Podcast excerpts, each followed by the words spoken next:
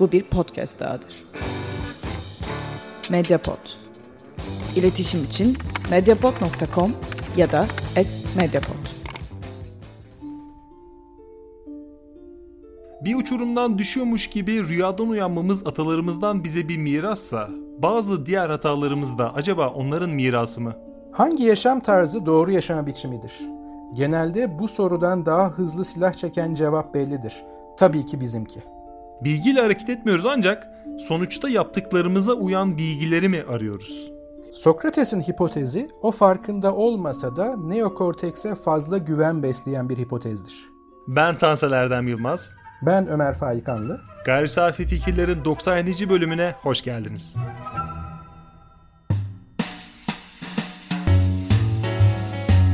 Hayatın denklemleriyle bilimin teorisi. Gayri safi fikirler.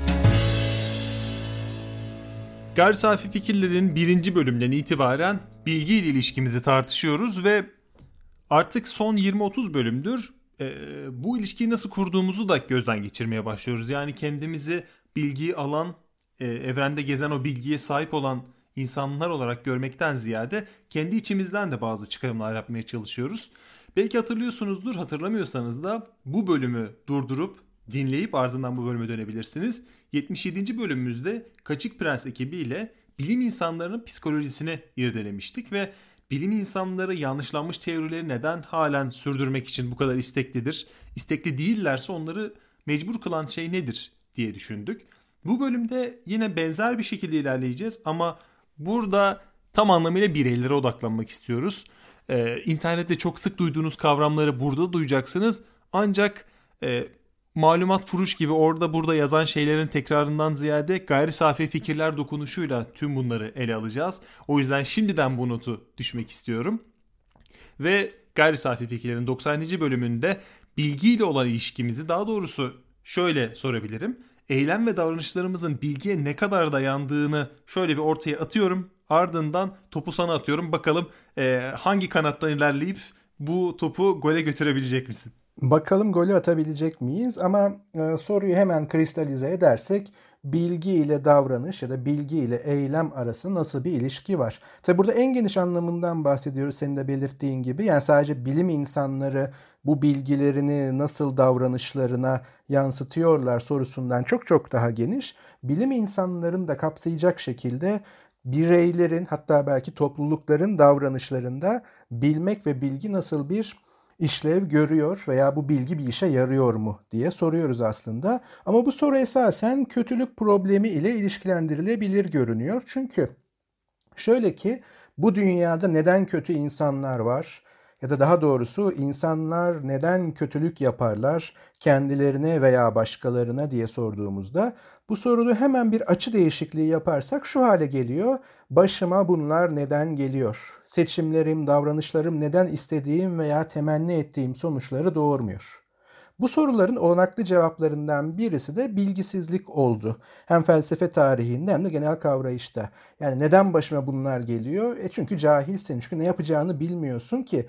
Buradaki yani bu aşamadaki cehalet de öyle hani herhangi bir okul okumak, diploma sahibi olmakla ilgili değil. Ne yapacağını bilmiyorsun. Yani bilgisizsin. İşte bundan oluyor her şey. İnsan bilgisizliği nedeniyle doğruyu seçemez ve buna bağlı olarak iyi bir yaşam süremez gibi bir kabulümüz var o halde.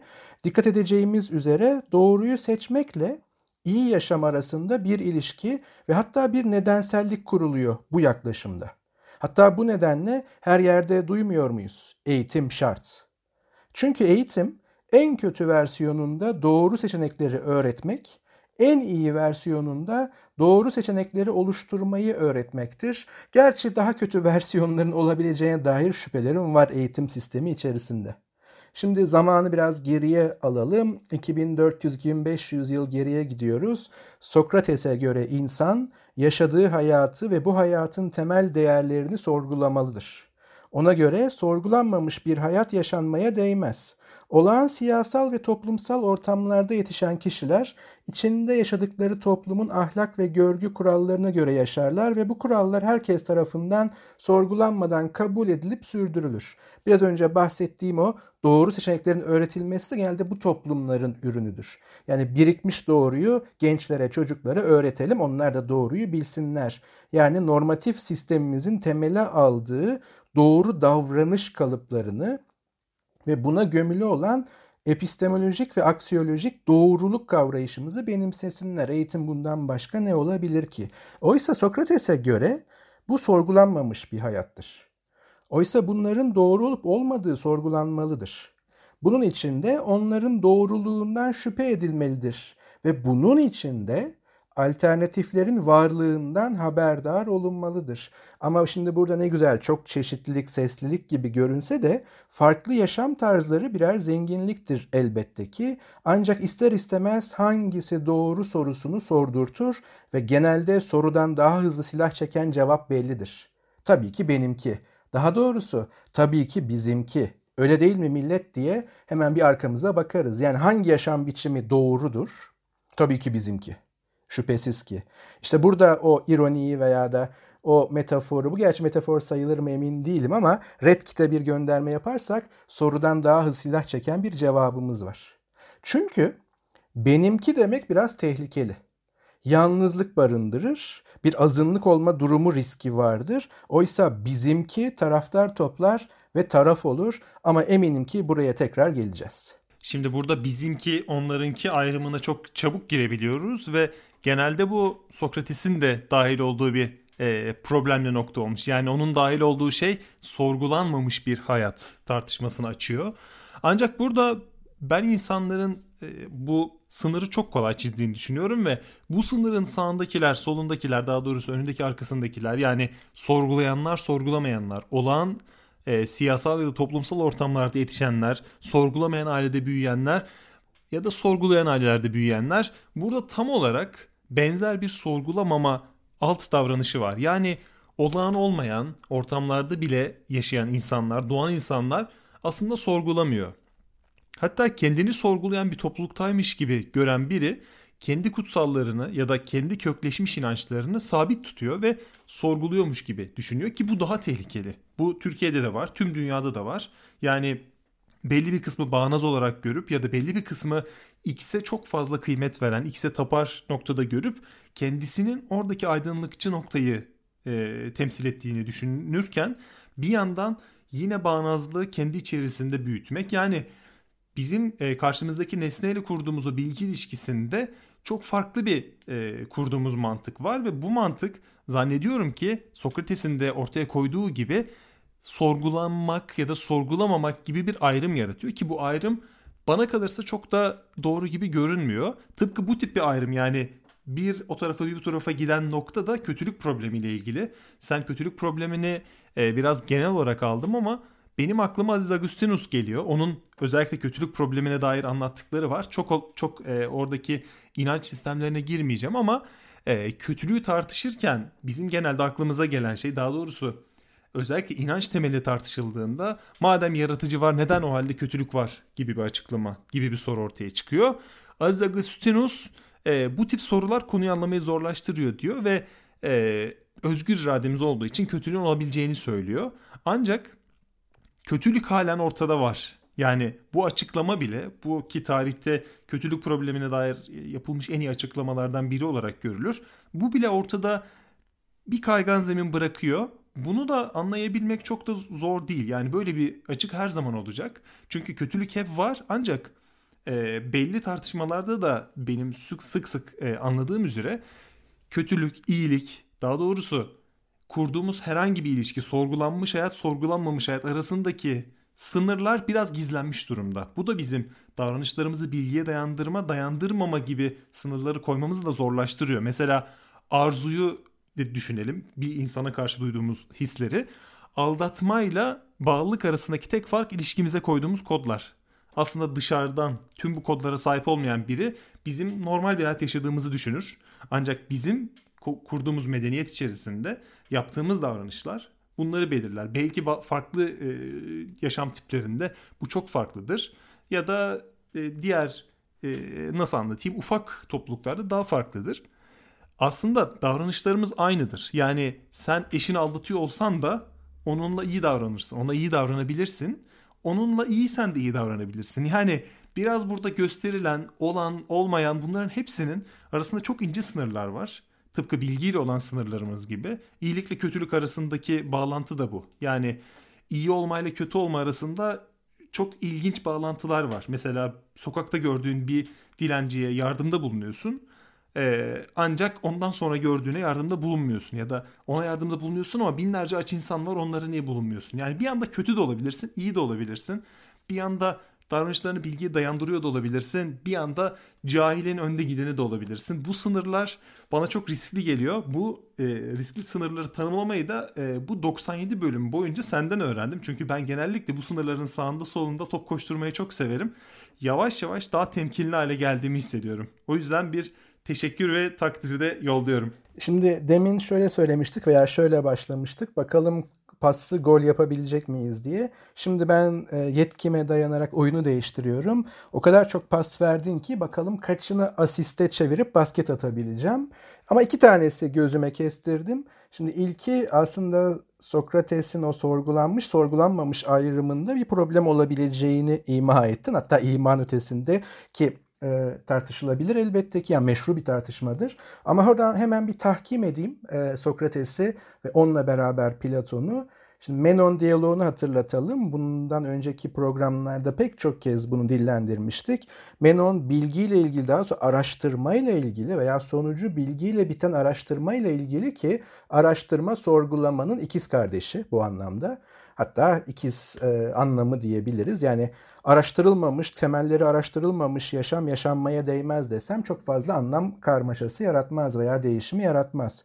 Menon diyaloğunda Sokrates şunu söylüyordu. Daha doğrusu Menon Sokrates'e şunu söylüyordu. Sen mantıkçıların oyunlarını kullanıyorsun. Çünkü şöyle bir durum ortaya çıkar. Zaten sahip olduğum bir şeyi biraz tabii ki mealen dönüştürüyorum. Zaten sahip olduğum bir şeyi aramana gerek yoktur. Çünkü o zaten sende vardır. Ama ne olduğunu hiç bilmediğin bir şeyi de arayamazsın. Çünkü onu bulduğun zaman o bulduğun şeyin aradığın nesne olduğunu asla bilemezsin. Dolayısıyla iki durumda da araştırma boşunadır, beyhudedir diyordu. Şimdi sorgulanmamış yaşam veya sorgulamayanlar, tabi burada çeşitli zorlar, baskılar altında yaşamını sorgulayamayanlar, sorgulatılmayanları dışarıda bırakıyoruz. Yani biraz önceki örneğe dönüyorum. Hangi yaşam tarzı doğrudur?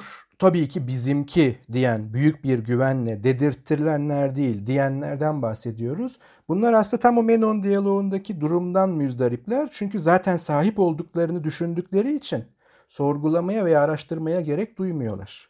Ama diğer taraftan iyinin ne olduğunu bilmiyorsak yani iyi yaşamın temel kriterlerini bilmiyorsak, temel ölçütlerini bilmiyorsak hangisi iyi yaşamdır diye sormanın da çok bir anlamı yok. Çünkü neye göre, kime göre diyeceğiz.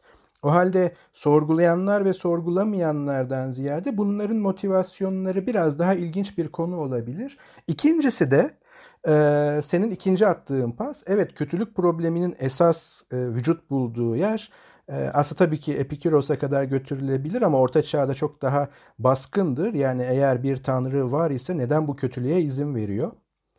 Ya e, gücü yetmiyor ki o zaman tanrılığından şüphe edilir ya da istemiyor ki iyiliğinden şüphe edilir kabaca. Ama burada çok anahtar bir kelime kullandın o da özgür irade.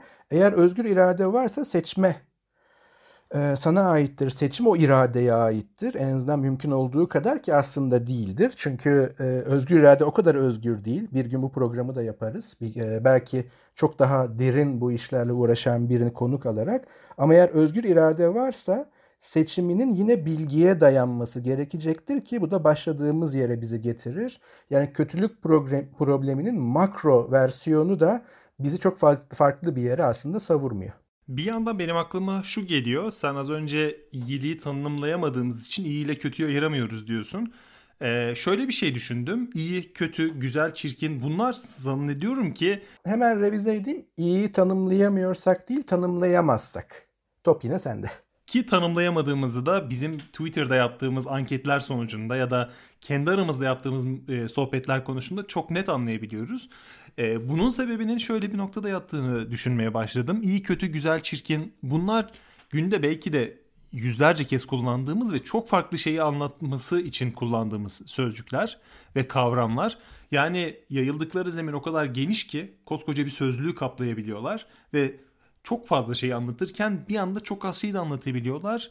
Ee, örneğin iyi bir insana kendi mutluluğu için e, çabalayan insan dediğimiz zaman o halde toplumun iyiliğini neden düşünmüyor? Güzel dediğimizde e, X'e sahip olan kişi dediğimiz zaman ama Y sahipleri de güzeldir gibi bir yere gidiyor.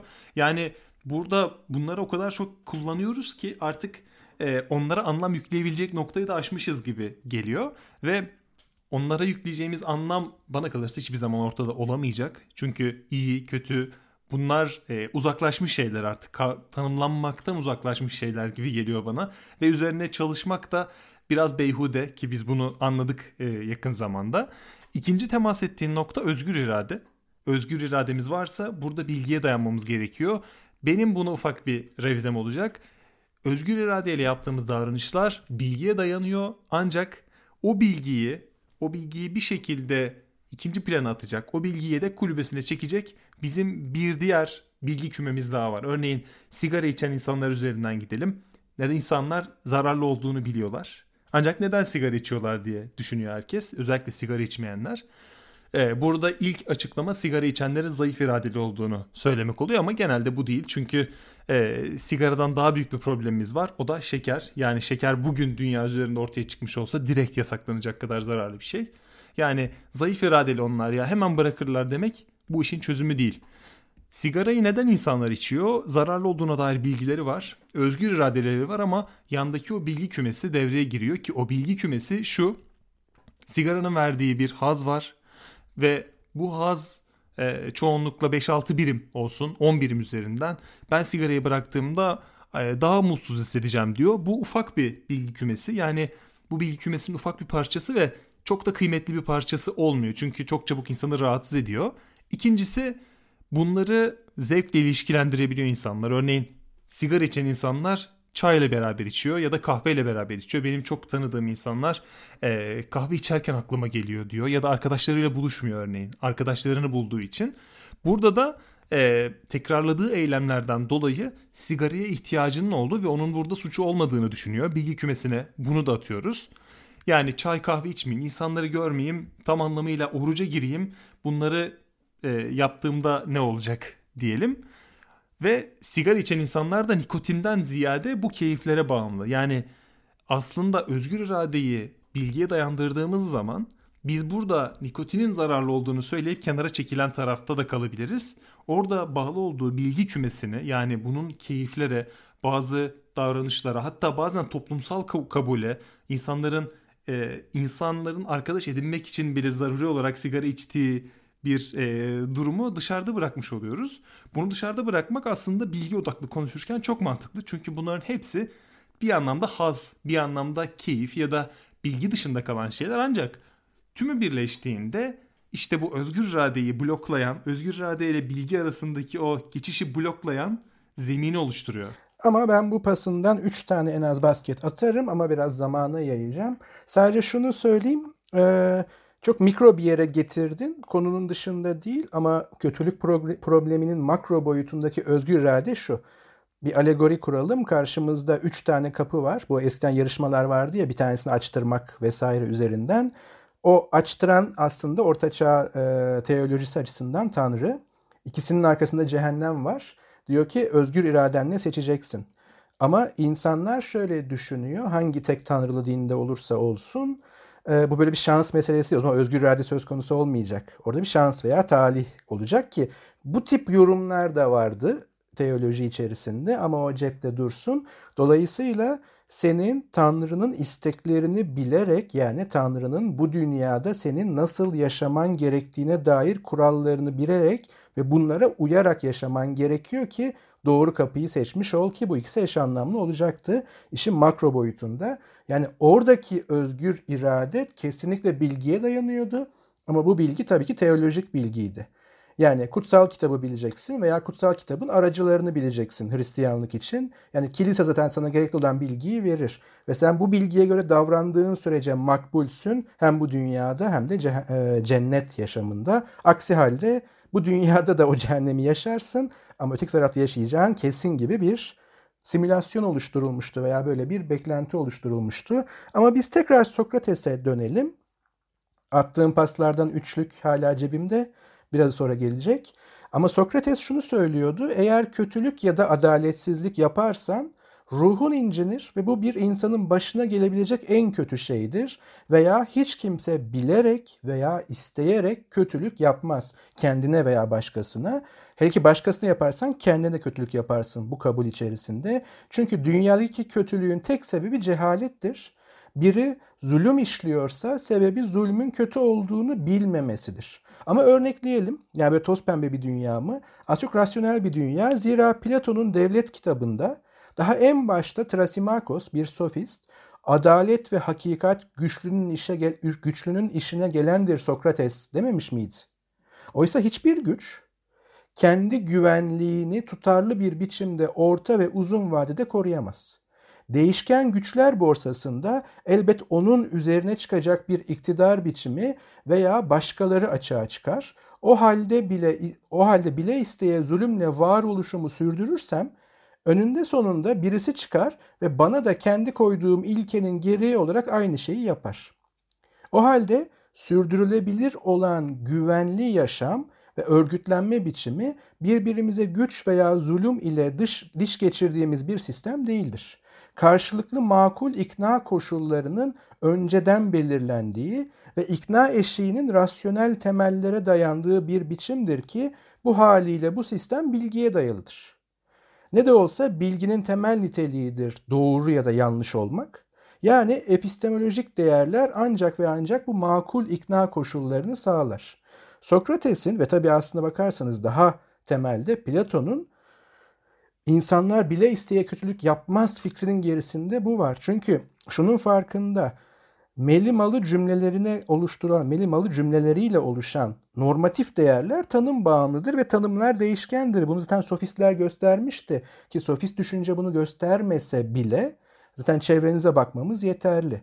Farklı kültür ve toplumların farklı iyi anlayışları, iyi tanımları var. Ama eğer biz bu iyi ve kötüyü epistemolojik değerlere yani bilgi temelli olarak doğru ve yanlış yaşam biçimlerine, doğru ve yanlış bilgiye temellendirebilirsek, bununla tahkim edebilirsek ideal bir düzeni realize edebiliriz diye düşünmüştü Sokrates ve Platon ve gücün burada etkisiz olduğunu söylemişti. Çünkü burada sadece bireysel kayıptan bir tiranın, bir diktatörün kaybından bahsetmiyoruz. Yani diktatörlük sonuna kadar sürdürülemez. Çünkü ya başka bir diktatör gelir ya da başka bir güç ilişkisi sizi alaşağı eder meselesi değil. Her seferinde o yönetim sistemine bağlı veya onun etkilediği tüm insanların güvenliği tehlikeye giriyor ki Biraz sonra tekrar o güvenlik meselesine geleceğiz. Çünkü aidiyetler ve güvenlik rasyonel olmamızın önündeki bazı engeller diyebiliriz.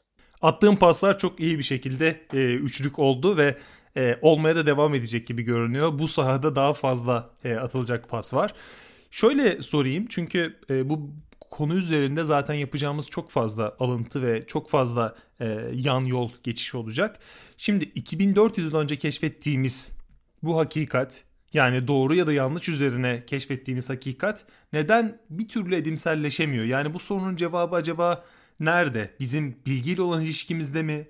Bizim insan olarak felsefemizde mi yoksa özümüzde mi? Çünkü özümüzden de getirdiğimiz buna e, öz demek yerine belki atalarımızdan da getirdiğimiz davranışlar var ve davranış tipleri var. Hatta e, geçtiğimiz yıllarda bir yerde okumuştum, bir yerde araştırmıştım daha doğrusu. Rüyada uçurumdan düşerken uyanıyoruz Çoğunlukla her insan bunu yaşamıştır bir kez. Bunun sebeplerinden birinin avcı toplayıcı atalarımızın ağaçta uyurken gerçekten düşmekten korkmasıyla bize taşınmış bir davranış olduğu söyleniyor. Yani onlar uyurken sürekli tetikte olduğu için ara sıra bize de bu tip davranışlar e, geçmiş olabiliyor. Bu tip buna da hatta hipnik seyirme e, deniliyor. Uykuya dalmadan önce vücudumuz güvenli bir yerde miyiz diye bizi sürekli sorguya çekiyor. Ee, şimdi bizim bu davranışı edimselleştiremememizin sebebinde bazı günlerde iyi uyuyamamamızın sebebi olarak geçmişten getirdiğimiz bu davranışın yer alması gibi acaba köksel bir problem mi var ya da köksel problem demeyeyim de köksel bir etmen mi var? Aslında soru sormadın, fragman vermiş oldun. Şimdi şöyle bir çerçeveleyelim. Aradığımız şey şu. Ya madem ki 2400 yıl önce biz güce, kaba kuvvete dayanmayacak bir biçimde karşılıklı makul ikna koşullarının önceden belirlen, ya yani tartışmadan önce belirlendiği ve bunun rasyonel temeller olduğu ve bilgiyle yakın ilişkileri olduğu bir yöntemi daha sonra kullanacağım bir benzetmeyi buraya taşımış olayım. Bir aplikasyonu, bir uygulamayı yani zihinsel bir uygulamayı keşfettik veya da yaz hani oluşturduk. Ama bu uygulamayı da her zaman kullanmıyoruz. Yani bu geçen 2000 yıl hatta daha fazla 2400 yıl neden böyle bir salınarak, düşerek, kalkarak gitti? Çünkü şöyle düşünelim hani ideal bir işletim sistemi veya bir uygulama bulduk ama onu zaman zaman kullanıyoruz. Onun yerine işe daha az yarayan veya başımızı çok ağrıtan başka uygulamaları kullanmaktan kendimizi alamıyoruz. Aslında kendimizi alamıyor değiliz. E, bu bizim tam senin söylediğin gibi biyolojimizde var. Hani doğamızda demek istemiyorum o çünkü insan doğası tartışması yine felsefi bir yere gidebilir. O yüzden şöyle bir motto söyleyebilirim. Bu sorunun cevabı felsefemizde değil, biyolojimizde saklı. Şimdi burada belki dinleyicilerimizin pek çoğunun okuduğu, çünkü üzerinden çok zaman geçti ve çok popülerleşti. Harari'nin e, Hayvanlardan Tanrılara Sapiens adlı kitabında benim çok sevdiğim iki paragraf var. E, 14. bölüm Cehaletin Keşfinde. Oradan kısa bir alıntı yapacağım. Bize çok güzel bir destek olacak. Yani yedek oyuncu sokalım. Her zaman Popper'ı çağıracak değiliz. Bu sefer e, Popper ayarında olmasa bile Harari'de işimizi görür. O şöyle söylüyordu cehaletin keşfi derken. Bir İspanyol köylüsü bin yılında uyuyakalıp 500 yıl sonra Kolomb'un mürettebatının Nina, Pinta ve Santa Maria gemilerine binerken çıkardığı patırtı esnasında uyanmış olsaydı. Dünya yine de gözlerine çok tanıdık gelirdi. Teknolojide, yaşam biçiminde, siyasi sınırlarda pek çok değişiklik yaşanmış olsa da bu orta çağ gezgini yine de kendisini evinde hissederdi. Buna karşılık Kolomb'un denizcilerinden biri benzer bir uykuya dalıp 21. yüzyılda bir iPhone'un sesiyle uyansa, etrafındaki dünya tanıyamayacağı kadar yabancı gelirdi. Kendi kendine yoksa burası cennet ya da cehennem mi diye sorabilirdi. Geçtiğimiz 500 yıl insan hakimiyetinin daha önce görülmemiş olağanüstü bir yükselişine tanık oldu. 1500 yılında dünyada yaklaşık 500 milyon homo sapiens vardı. Bugünse bu sayı tam 7 milyardır ki 8 milyara yaklaştık. 1500 yılında insanlar tarafından üretilen toplam mal ve hizmetlerin bugünkü dolar üzerinden değeri yaklaşık 250 milyardı. Bugünse yıllık üretim yaklaşık 60 trilyon dolar. 1500 yılında insanlar günde 13 trilyon kalori enerji tüketirken tüm insanlar Bugünkü enerji tüketimi günde 1500 trilyon kalori. Şimdi bu devam ediyor ve nihayetinde ilk kez bu dünya üzerinde var olmuş bir organizmanın kendi becerisi, bilgisine dayanarak bu dünyayı terk etmesiyle sona eriyor. Yani e, hem dış uzaya çıkmamış hem, hem de aya ayak basmamız. Bunların hepsi doğru. Bu biraz önce söylediğim aplikasyonun, uygulamanın veya yazılımın rafine hali bilimi kullanmamızın doğurduğu sonuçlar. Ancak o İspanyol köylüsü bin yıl uyuyup uyanırken esasında her sabah bizimle uyanan ve en az 300 bin yaşında bir şey var. İnsan çoğu zaman işte biyolojik sınıflandırmada homo isimli hayvan cinsini karşılamak için kullanılan bir sözcük. Ancak tek homo türü anatomik olarak modern insanlar yani homo sapiens değil.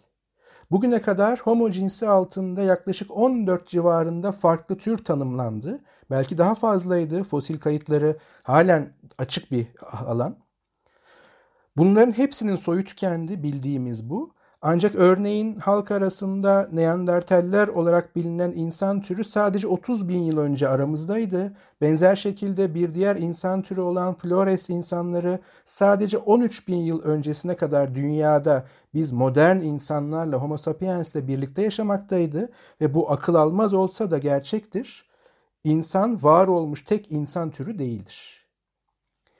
Neokorteksi ile farklılaşan ve belirli ölçüde en azından farklılaşan sapiens sadece bu farklı beyin kısmından oluşmamaktadır.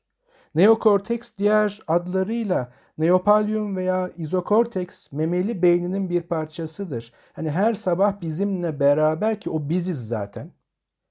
Bu böyle bizim hayvani tarafımız bir de öyle Platoncu anlamda ruhumuz böyle tanrısal bir tarafımız falan yok. Bunun tamamı biziz.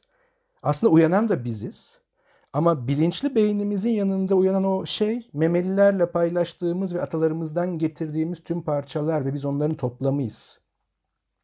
Bu neokorteks yani sapiens'i farklılaştıran şey duyu algılaması, motor emirlerin oluşumu, uzaysal muhakeme, bilinçli düşünme ve dil gibi yüksek fonksiyonların yürütülmesinde görev alıyor ama yaşam bunlardan ibaret değil.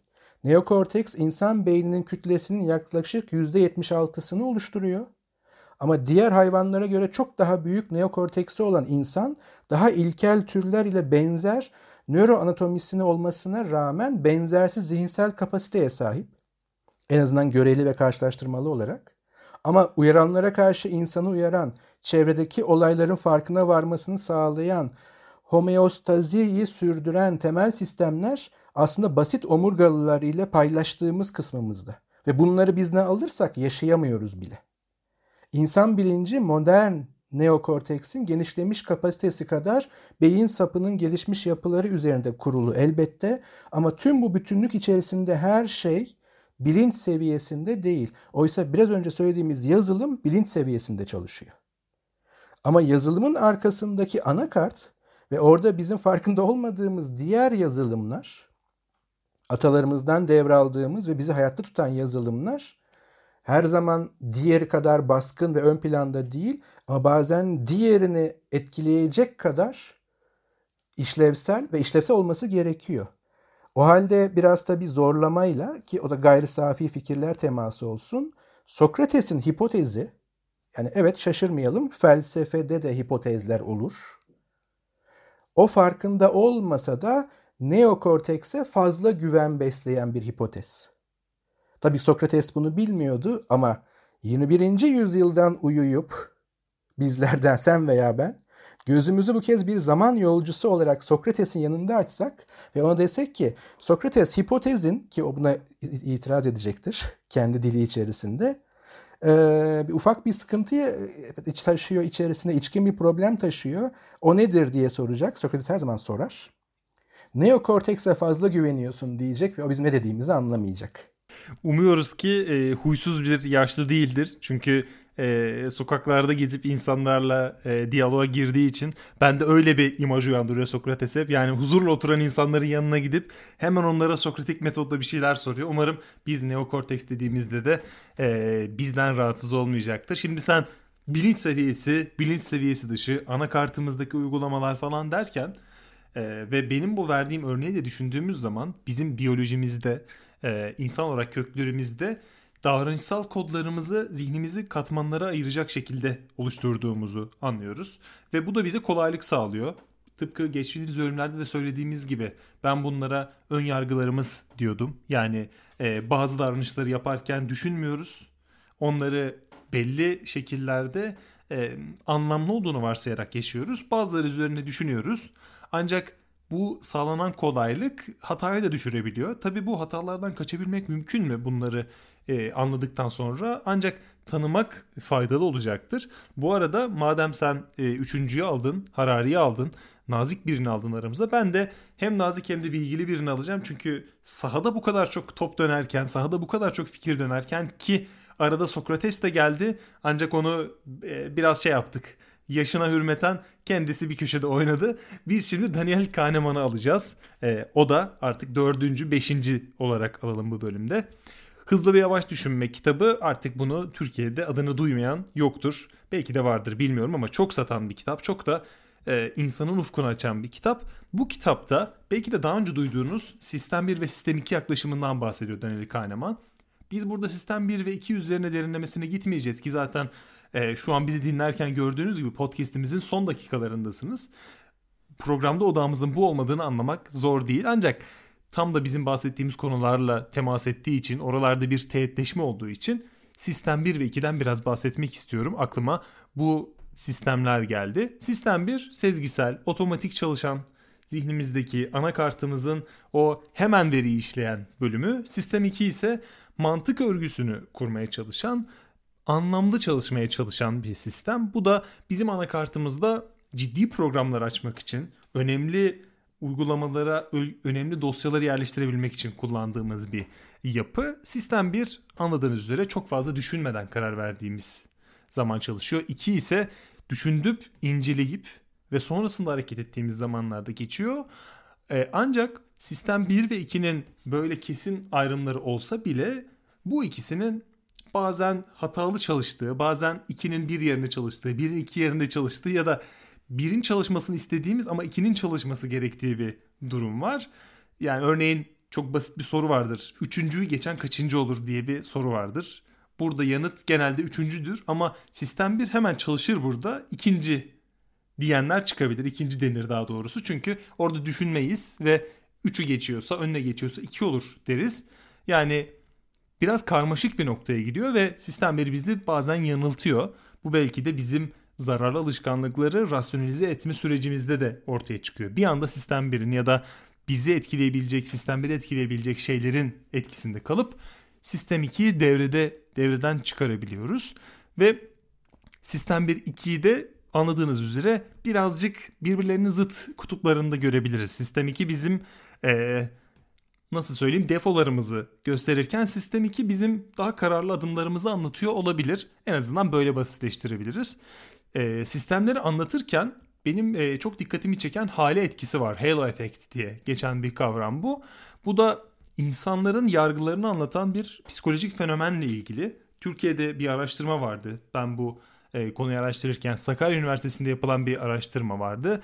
Ve tabii ki Kahneman'ın da bunun üzerine bir atıfı vardı. Ben biraz daha bunun insan ilişkilerine olan yönüne bakmıştım. Çünkü e, bir insanı zeki, güzel, yakışıklı görmemizin sebebi o birkaç saniyelik süreyle sınırlı. Yani bizim o ilk sistemimizle buna karar verdiğimiz söyleniyor. Ya da bir insana karşı davranışlarımızı belirlerken, onu belli bir yere konumlarken ilk 30 saniyenin önemli olduğu söyleniyor. Bu da hale efekti ve sistem 1'in etkili olduğu nokta. Ve çoğunlukla bu etki değişmiyor. Çünkü insanlar ilk izlenimin neredeyse %93'ünü yapılan araştırmaya göre beden dili kalan %7 kısmı da söylenenlerle belirliyor ki ilk 30 saniyede söyleyeceğimiz şey sayısı anlamlı şey sayısı kısıtlı olduğu için bir anda sistem bir daha mantıktan görece uzak kısım bizi ele geçiriyor ve e, olumlu olumsuz klasörlerimizi böyle belirliyoruz. Yani çoğunlukla hata yapıyor olsak da bir anlamda bu sistemlerin etkisindeyiz. Yani sistem 1 2 böyledir. Bir biraz zararlı gibi sanki desek de sanki bu bilgiye sahip olmak bizim o sistemlerden kaçmamızı sağlayamayacak. Ne diyorsun? Yani evet yani bilgisayar alegorisinden gidersek sistem bir silinebilir bir şey değil. O bizim bir parçamız ve bizi hayatta tutuyor. Ee, ama mesela şöyle örnekler de var. Mesela Freud'un teorisindeki bilinç dışı sistem birin karşılığı. Yani bu e, terminoloji üzerinden düşünürsek veya dil sürçmelerimiz veya maksadını aşan ifadelerimiz hani çok sık rastlarız ya söylediklerim maksadını aştı. Hayır aslında sistem birden geldi onlar. Senin bilinç dışında böyle bir şey vardı veya daha derinlerde bunlar vardı. Yani daha düşünerek konuş da buradan gelir. Ama şöyle bir çok net ilişki var. Sistem 1 çok hızlı, sistem 2 daha yavaş. Ama bilimsellik ve bilimselliğin sonucu olan bilim, hatta eleştirel düşünmenin kendisi sistem 2 içerisindeki bir yazılım. Sistem 2'nin kendisi de değil. Onun içerisindeki bir yazılım ama sistem 1'i çıkarırsak hayatta kalamayız. Çünkü bizler yani insanlar, ki sapiens türü özellikle ne pahasına olursa olsun en doğruya ulaşmaya çalışan varlıklar değiliz. Bizim biyolojimiz buna göre evrilmedi. Böyle evrilmedik ve muhtemelen öyle olsaydı şu anda var olamazdık. Çünkü en büyük avantajımız tüm bu süreç içerisinde bizi hayatta tutan veya doğal seçilimde piyangonun bize çarpmasını sağlayan ama aynı zamanda lanetimiz organize olabilme yeteneğimiz. Bizler bireysel varlıklar değiliz. Organize olarak güçlü ve hayatta kalabiliyoruz. Ancak organize olabilmek için de her zaman doğrulara ihtiyacımız yok. Hatta çoğu zaman doğrudansa yani doğruyu yapmaktan veya doğruya ulaşmaktansa en azından kimi zaman diyelim organize kalabilmek, dayanışma içerisinde kalabilmek daha avantajlı olabiliyor en azından kısa vadede. Fakat tabii ki bu her zaman yalanlar üzerine organize oluyoruz demek değil. Şöyle bir mekanizmamız da var. Biz doğrular üzerine değil de yalanlar, hayaller üzerine organize olsak bile eğer mümkünse sonradan bu organizasyonun ilkelerini rasyonalize etmeye çalışıyoruz. Yani sistem 2'yi bu kez hileli bir şekilde devreye sokuyoruz. Yani yaptım ama bir sor niye yaptım diyoruz. Çünkü bizim akıl yapımızın temel bilgi mekanizması aslında neden sonuç ilişkileri kurmak üzere evrilmiş veya bu şekilde yapılanmış. Bu ilişki yani neden sonuç ilişkileri kurmak iki yönlü yani karşılıklı olarak. Nedenleri doğru saptarsanız bir sonucu öngörebilirsiniz veya bir sonucu geriye doğru nedenleri ile açıklayabilirsiniz. O halde bu işlem doğru yapılabilirse aynı nedenler aynı sonuçları hadi benzer sonuçları diyelim açığa çıkarıyorsa ne yapmamız veya yapmamamız gerektiğini bileceğimiz daha güvenli bir dünyada yaşamaya başlarız. Şimdi buraya dikkat çekmek istiyorum. Eylemlerimiz bilgi temelli midir, bilgiyle mi temellenir diye başlamıştık ya. Eğer doğru neden sonuç ilişkileri kurarsak ki bu bir bilgi meselesidir gerçekten de. Benzer nedenler benzer sonuçları, aynı nedenler aynı sonuçları doğurduğu yasalı bir evrende, gerçeklikte yaşıyorsak, nedenleri biliyorsak ne olacağını biliriz. Olacak şey çıkarımıza uygun değilse veya olmasını istemiyorsak veya olacak şey bize zarar verecekse bu nedenleri ortadan kaldırır veya öyle eylemeyiz. O nedenleri oluşturacak şekilde eylemeyiz. Ya da şu, neden bu kadar kötülük var diyoruz? Yani en başta sorduğumuz soru yavaş yavaş daireyi tamamlıyoruz.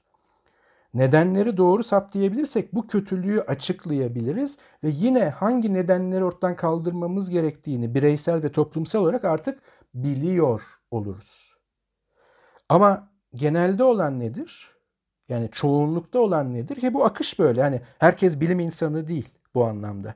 Ve her an bilimsel davranmıyoruz. Bunu sadece maksimize etmeye çalışıyoruz. Çünkü genelde olan sonuçlara nedenler uydurmak yollu bir rasyonalizasyon. Şimdi ilk baskete atıyorum. Sigara içenlerin çoğu nedenler uyduruyor. Yani sor bakayım ben niye içiyorum. Şimdi bir, ya bunun zaten çok da bir zararı yok. Ben 20 yıldır içiyorum. Çok da bir şikayetim yok. Ama hiç doktora gitmemiş, ciğerlere baktırmamış ki belirli bir yüzdeyle oraya zarar vermemiş olabilir. Damarların canını okuyordur. Ama o kendini iyi hissediyordur. İyi hissetmek iyi olmak demek değildir. Ama rasyonalizasyon tamam. Ya 20 yıldır içiyorum hiçbir şeyim yok. Ya da daha çok gördüğümüz bir rasyonalizasyon. Ya benim amcam 40 yıl sigara içti hiçbir şey olmadı. Yani ortada bir durum var. Ona biz nedenler uyduruyoruz. Hatta kansere sonuçlansa bile ya bu sigaradan değil o 5G antenlerini diktiler ya işte ondan biz kanser olduk. Nedenler uydurmak. Yani sistem 2 hileli bir şekilde kullanılıyor. Sistem 1 ile yani temel hazlarla topluluğa uymak, çoğunluğa uymak biraz sonra ikinci basket oradan gelecek. Yüzünden sigaraya başlıyorum. Hazlarımdan dolayı sigara içiyorum. Yani bir şey de olmuyor doğrudan. Üçüncü basket de buradan gelecek. Fragmanları vereyim. E sonra kanser oldum. Ya ben sigaradan olmadım ki 5G antenlerinden oldum. Geçen işte bir yerde okudum. Bu 5G antenleri zaten böyle acayip radyasyon yayıyor. Covid de ondan olmuş. İşte bak bir yerde okudum. Rasyonalizasyonlar devreye giriyor. Sistem 2'nin temellendirici nedenlere, sonuçları ve nedenleri bağlayıcı mekanizması hileli olarak kullanılıyor. Çünkü rahat etmek zorundayız. Çünkü suçluluk duygusu ben yaptım, ben katlanıyorum çok zordur insan için. Her anlamda. Ama diğer bir taraftan tam senin verdiğin örneğe de bir gönderme yapayım. Çünkü sadece böyle topluluk içerisindeki durum değil, yalnızken de çok hızlı karar vermemiz gereken ortamlarda büyüdük. İnsan türünü kastediyorum burada. pençeleri, zehirleri, orantısız güçleri olan canlılarla mücadele ederken orantısız mizah gücü işlevsiz kaldığında hızlıca kaçmaya ya da savaşmaya karar vermek zorundaydık ve bu argümantatif bir tartışmanın uzun süresine gelmeyecek bir acil durumdu. Çünkü sistem 2 yavaştır. Yani böyle bir ihtimalin ipucunu yakaladığınız anda ki bunu her zaman bilinçli yakalamazsınız. Yani çalıda bir hışırtı oldu. Ya acaba bu hışırtı daha önce duyduğum ve bana anlatıldığı gibi arkasındaki vahşi bir hayvanın oluşturduğu nedensel bir ses dalgalarıyla bana gelen bir sinyal mi yoksa rüzgar mı sadece? Şimdi bunun için ben biraz veri toplamalıyım. Önceki e, deneyimlerimden süzdüğüm bilgi derken zaten o eğer vahşi bir hayvansa türünüzü devam ettirecek şekilde genlerinizi de devredemeyeceğiniz için Sapiens ortadan kalkardı. Orada kaçanlar çok şanslıydı. Çünkü kaçanlar sıfır risk alıyor. Hızlı bir şekilde refleksif olarak. Hani o Ceylan vardır ya belgesellerde onun gibi. Çünkü diyelim ki sadece rüzgardı. Kayıp yok. Belki oradaki suyu veya yiyeceği kaybetti ama o telafi edebilir ama hayatta kaldı. Diyelim ki vahşi hayvandı. En azından erken davranarak, hızını kullanarak veya da e, avantajını kullanarak oradan uzaklaştı. O yüzden sistem bir bizi hayatta tutan bir şeydi ve hala da bu gibi durumlar e, olabiliyor ve bizi yine hayatta tutmaya devam ediyor. Diğer taraftan organize olabilmek aynı zamanda bize güvenlik sağlıyor.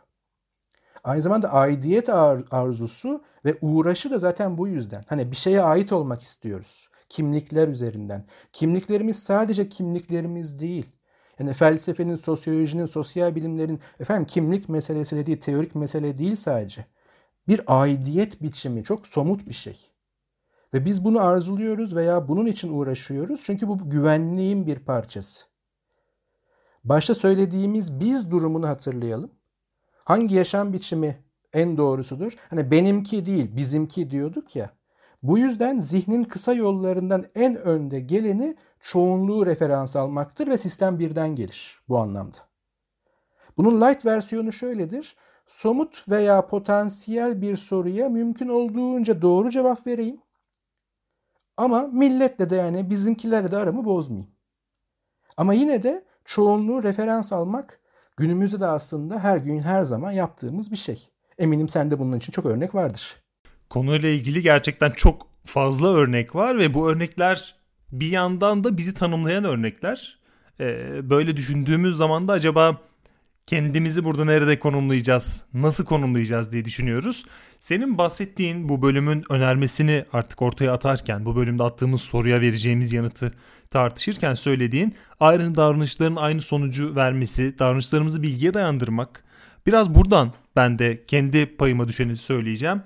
Ee, aynı davranışlar aynı sonucu her zaman getirmiyor ki zaten hatalar konusunda da o hatanın çözümü için de aynı sonuçları e, deniyoruz. Aynı davranışları e, yapıyoruz.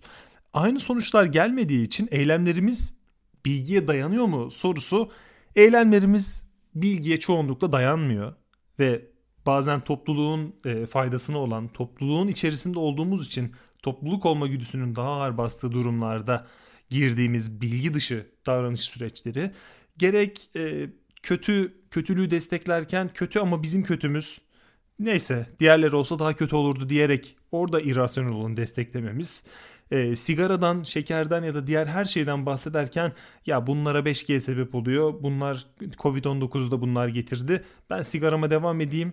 Zaten olan olacaktır. Ben yaşayacaksam yaşarım. Alkolden bahsederken işte rakı içen öldü, su içen ölmedi mi mantığının çok mantıklı gelmesi. Benim dedem 100 yıl yaşadı. Her gün 1 kilo reçel, yarım kilo zeytinyağı içerdi.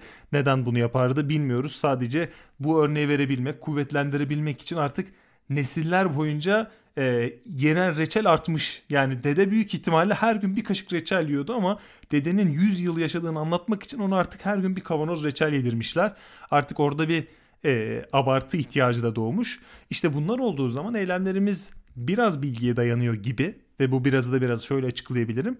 Evlenlerimizin bilgiye dayanmadığı kısımlarda bizim farklı beklentilerimiz, farklı güdülerimiz ve kişisel zayıflıklarımız devreye giriyor. Burada o bilgiye dayanmayan kısmı da kendi bilgi iddialarımızla doldurmaya başlıyoruz.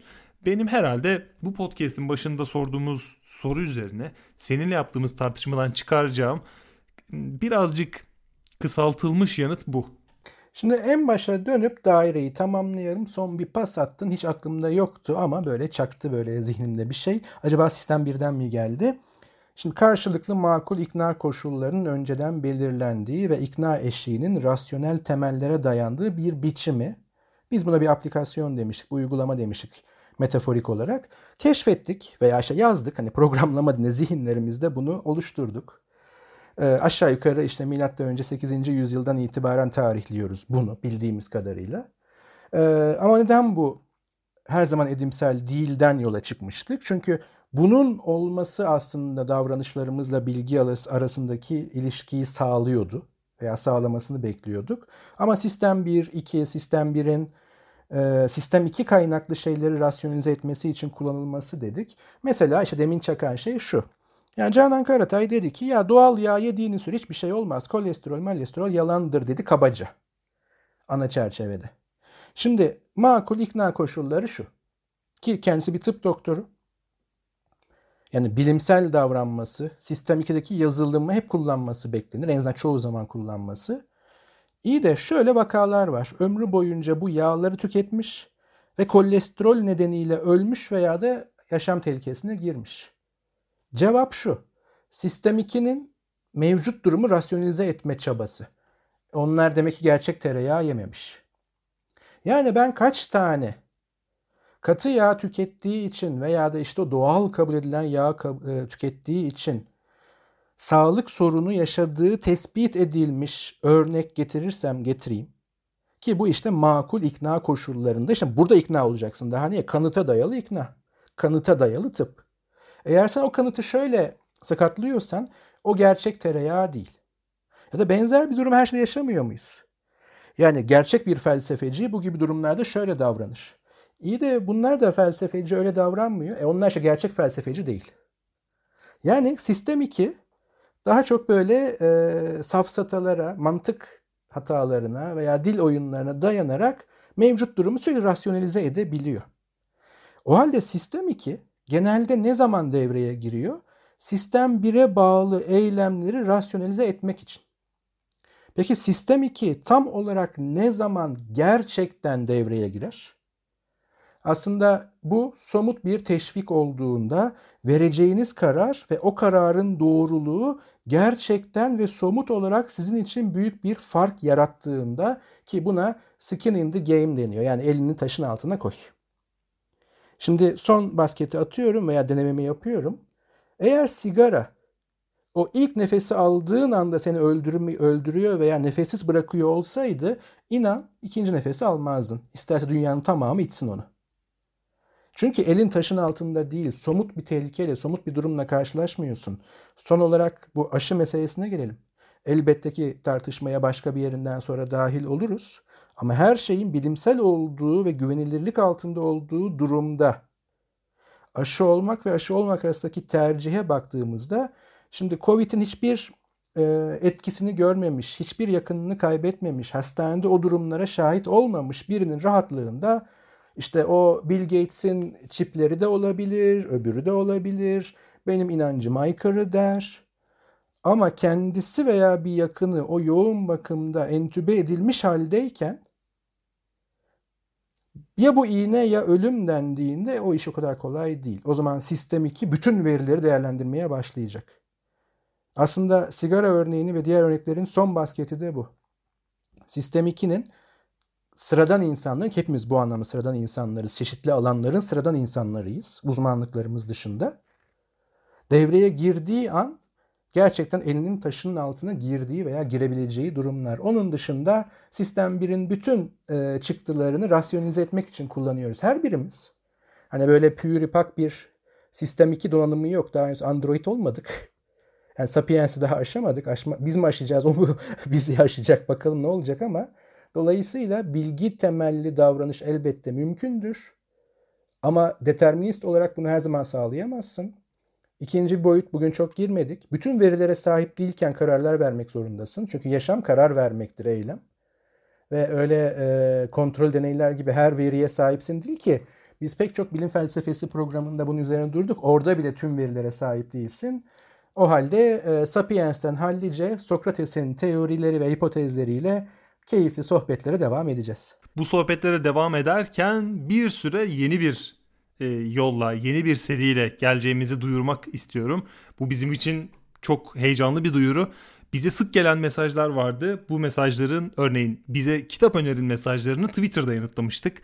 Ee, bize gelen özel soruları bölüm olarak yapmıştık. Ancak felsefe tarihine dair bize gelen ciddi bir talep vardı ve istekler artık e, Gayri Safi Fikirler Belediyesi'nce değerlendirildi ve halka hizmet için gelelim dedik. Son kararı verdik e, ve felsefe tarihini gidebildiğimiz kadar geriye giderek ve özellikle ders kitabı gibi belli e, noktalara sıkışmadan gayri safi fikirler dokunuşunu şart koşarak bir sonraki bölümden itibaren cebinize getiriyoruz. Heyecanlıyız. Bu heyecanımızın tabii bir ayağı da geçtiğimiz hafta yayınlanan Spotify 2020 özetlerinde takipçilerimizin, bizi takip etmeyenlerin ama bizi dinleyenlerin bizi ulaştırdığı müthiş grafikler. Çoğu insanın bir yıl boyunca en çok dinlediği podcast olmuşuz. Bazısında üçüncü olmuşuz ama ilk iki podcast'e baktığımızda iyi ki üçüncü olmuşuz diyoruz. Ahmet Arslan sohbetleri var. Çok ciddi ekiplerin çalışmaları var. İlk beşinde dahil olduğumuz podcastlerin çok büyük bir kısmı çok kıymetli podcastler ve bizim de bu podcast'i yapmadığımız zamanlarda kendi kendimize dinlediğimiz podcastler. Bunun yanında çok yakın zamanda 10 bin takipçiyi geçtik. Spotify'da yaklaşık 130-140 e, bin dinlenmeye ulaştık toplamda ve geçtiğimiz hafta öğrendiğimize göre 30'dan fazla ülkede gayri safi fikirler dinleniyor. Hatta bu yıl bizi en çok dinleyen ülke daha doğrusu bir ülkede en fazla yaşadığımız artış Amerika Birleşik Devletleri'nde olmuş. Ee, umuyoruz gayri safi fikirler orada da bir dokunuş yarattı. Umarız orada da bir heyecan yarattı. 30 ülkeyi arttırmayı hedefliyoruz. Takipçilerimizi arttırmayı hedefliyoruz. Ve buradaki hedefimiz de gayri safi fikirler dokunuşunu bundan 4 yıl önce çıktığımız yolda 2017 yılında Dil ve Tarih Coğrafya Fakültesinde bir odada ortamıza koyduğumuz mikrofonla başladığımız yayınları artık e, daha fazla kitlelere anlatıp yarattığımız etkiyi artırabilmek tabii bu etki bize bir e, mutluluk, huzur ve bir anlamda teşvik edici enerji olarak geri dönüyor. Biz aslında zaten başından beri hep buradaydık. E, mecramızı seçtik. Biz podcast'te hep olacağız yani. Siz bizi takip ettikçe biz de bu işten keyif aldıkça hep olacağız diyelim. Koşullu yine bir mevcudiyet bildirelim. Ama e, YouTube'daki içeriklerimiz de ileride devam edecek ve burada özellikle akademide ofis saati ve benzerleri yani konuklar aldığımız, görüntülü, misafir olduğumuz umarım pandemi sonrası fiziksel olarak, mekansal olarak misafir olacağımız programlarımız devam edecek. O yüzden belki şu ana kadar hiç bakmadınız veya zaten bizi podcast'ten takip etmek yeterli geliyor size. Ama e, ileriki çalışmalarımıza bir altlık oluşturabilmesi için YouTube kanalımıza da abone olmanızı rica ediyoruz. Pandemi sonrası orada da güzel şeyler olacak umuyoruz ki. Bizi orada da desteklerseniz çok seviniriz. Ama biz tarafımızı seçtik. Biz podcast dünyasındayız bundan sonra. Bu arada YouTube'da bizim oraya özel ürettiğimiz içerikler de var. Örneğin makale okuduğumuz özellikle senin makale incelediğin YouTube içerikleri var. Onları Gayri Safi Fikirler adıyla podcast evreninde paylaşmadık. Orada birebir yaptığımız bölümler var. Black Mirror incelemeleri var ve Black Mirror'ın dışında e, bizim artık nasıl bir dünyada yaşadığımızı tartıştığımız birçok bölüm var. Akademide ofis saati var. Çok kıymetli akademisyenler var. Yani bizim gelecek projelerimizden ziyade bizim yaptığımız projelere de şöyle bir bakarsanız takip etme isteğiniz olacaktır. Orada da yaklaşık 2000 takipçiye yaklaşıyoruz. Twitter'da da 1000'e yaklaşıyoruz. Önümüzdeki süreçte ne olacağını hep birlikte göreceğiz. Hepinize teşekkür ediyoruz. Bizi Spotify'da, Google Podcast'te, Twitter'da Gayri Safi Fikirler adıyla takip edebilirsiniz. YouTube'da da edebilirsiniz bu arada. iTunes'dan Eki Sözlük'ten eleştirebilirsiniz. Burayı çok önemli görüyoruz. Bizi dilediğiniz gibi eleştirin. Biz genellikle övülmeyi, yorumlanmayı seviyoruz ama eleştiriler bizi çok güçlü kılıyor ve bazı eleştirileri biz 20 bölüm önce duyduktan sonra bir sonraki 20 bölüm gerçekten farklı ilerliyor. Ve tabii ki merak ettiğiniz, kafanızı kurcalayan bilim felsefesi sorularınızı gayri safi fikirlere gmail.com üzerinden bizlere iletebilirsiniz. Bir sonraki bölümde görüşmek üzere. Görüşmek üzere. Hayatın denklemleriyle bilimin teorisi. Gayri safi fikirler.